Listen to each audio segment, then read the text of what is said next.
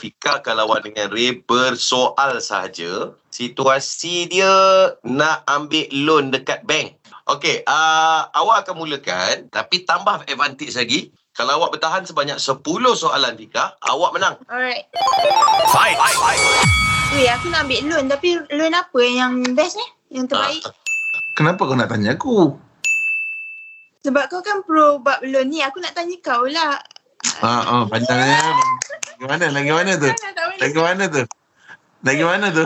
Uh, Ray, kita start balik pada kosong, Ray, tahu eh? Ray, eh? Okay, okay. Ah, Boleh, boleh je. Kosong balik. Ah, kosong balik. Ah. Okey, eh. Round 2. Ready? Fight. Ray, kau rasa loan apa yang bu- uh, best ni yang aku boleh ambil? Kau rasa yang mana eh? Loan ni semua kan sekejap lagi ada risiko dia apa-apa. Susah lah.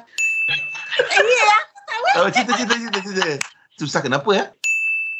Weh, tak tahu ni loan. Dia tak pasal tak tahu loan lah, Ray. Biasanya lah Fika kan. Bila orang perempuan main permainan ni, dia tertera.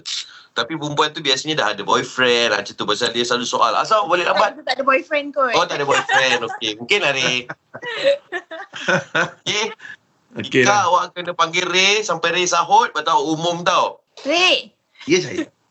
you win. Thank you.